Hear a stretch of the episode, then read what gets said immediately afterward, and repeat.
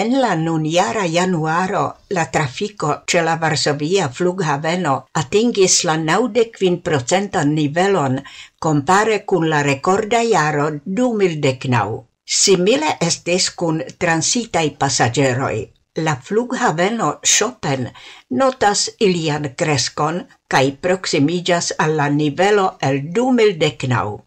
Samtempe en la dauro de tri lasta iaroi changigis la caractero de la passageroi utiligantai la Varsovian flughavenon de mercatista al turista. Tiujn donitajoin presentis antau quelcai tagoi dum la gazetara conferenzo presidanto de la stata entrepreno Aerhavenoj.